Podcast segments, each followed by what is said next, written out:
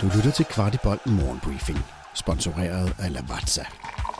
Dagens vært er Kasper Larsen. Tirsdag den 10. januar. Og vi starter med en nyhed fra selve truppen. Marko Stamenic får ikke forlænget den kontrakt, der udløber til sommer. Der har længe været dialog mellem parterne, men uden at de kunne nå til enighed. Det betyder, at Marco kan forlade FC København senest til sommer, men her på redaktionen tænker vi, at det vil give super mening, at der allerede findes en klub i dette vindue. Vi tror også mere, at det var udsigten til spilletid, der var afgørende, og ikke det økonomiske, der spillede ind for parterne.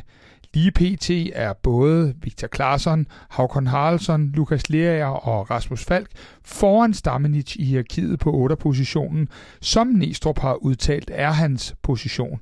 Marco har spillet 16 kampe for FC København, og alt tyder på, at det ikke bliver til flere.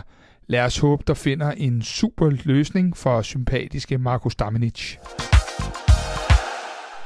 FC København meddeler her til aften, at man har solgt Matt Ryan til hollandske AZ Alkmaar. Det blev blot til 11 kampe for løverne. Vi hentede Ryan i Real Sociedad i august måned, grundet en slem skade til Camille Grabara, og ja, Ryan vil blive husket for sine to flotte kampe mod Trabzonspor. Held og lykke videre, Matti. Og netop Havkon Haraldsson blev forleden kåret til årets spiller i Island. Han var selvsagt glad for titlen, men ikke specielt overrasket, da vi talte med ham. Havkon mente, det kun kunne stå mellem ham eller hans ven, Anders Sigurdsson fra IFK Nordsjøbing. Havkon har spillet mange positioner for FC København allerede, både 8, falsk 9 og kant, og derfor spurgte jeg ham, hvor han egentlig befinder sig bedst. Hør, hvad han svarede her. Havkon, du har spillet rigtig mange positioner offensivt for FC København. Hvor befinder du dig egentlig allerbedst? Uh, jeg, er sådan, jeg er ligeglad, hvor jeg spiller, hvis jeg spiller, men jeg kan lige at spille sådan 10 eller, eller 8.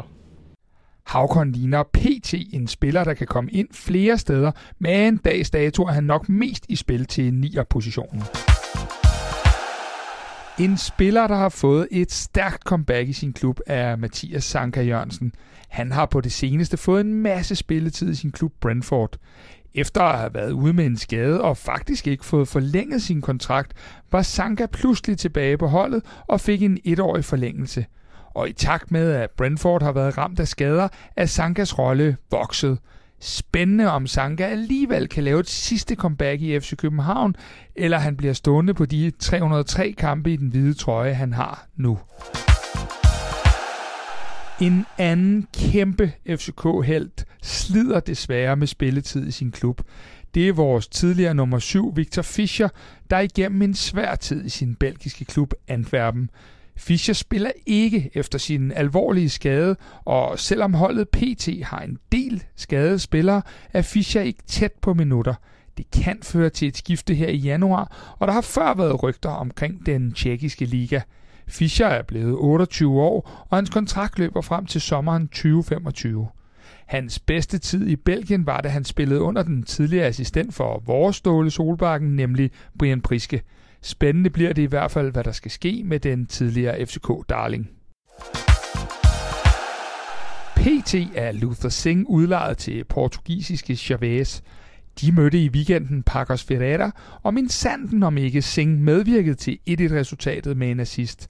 Singh spillede de første 82 minutter, så alt tyder på, at han er ved at finde den form, der oprindeligt bragte ham til den danske hovedstad. Dejligt for Luther Singh, men også for FC København. Og apropos Portugal, så har vores nye vært på Kvartibolt, Morten Parsner og jeg, lavet en analyse på vores nye nummer 9, Diogo.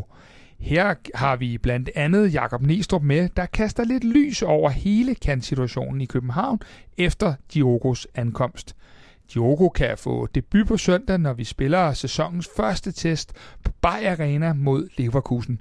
Dette er samtidig deres sidste test, inden Bundesligaen starter op igen, så der bliver tale om matchning på øverste hylde. Jeg smider et link til analysen af Diogo i shownoterne.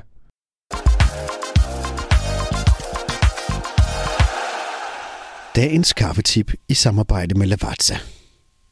Hvis muligt, så kværn altid dine kaffebønner lige før brygning, så opnår du et bedre kafferesultat og bevarer kaffens fulde aroma.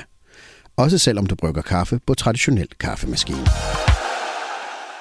Vidste du, at Lavazza har deres egen webshop, hvor du kan købe alle deres forskellige kaffer og endda vælge det som abonnement? De har blandt andet også kaffer, som du ikke finder andre steder i Danmark, som deres Espresso Maestro, som er økologisk og Rainforest Alliance certificeret. Du har lyttet til Kvartibolt Morgenbriefing. Vi er tilbage igen i morgen tidlig med byens bedste overblik over FCK-nyheder.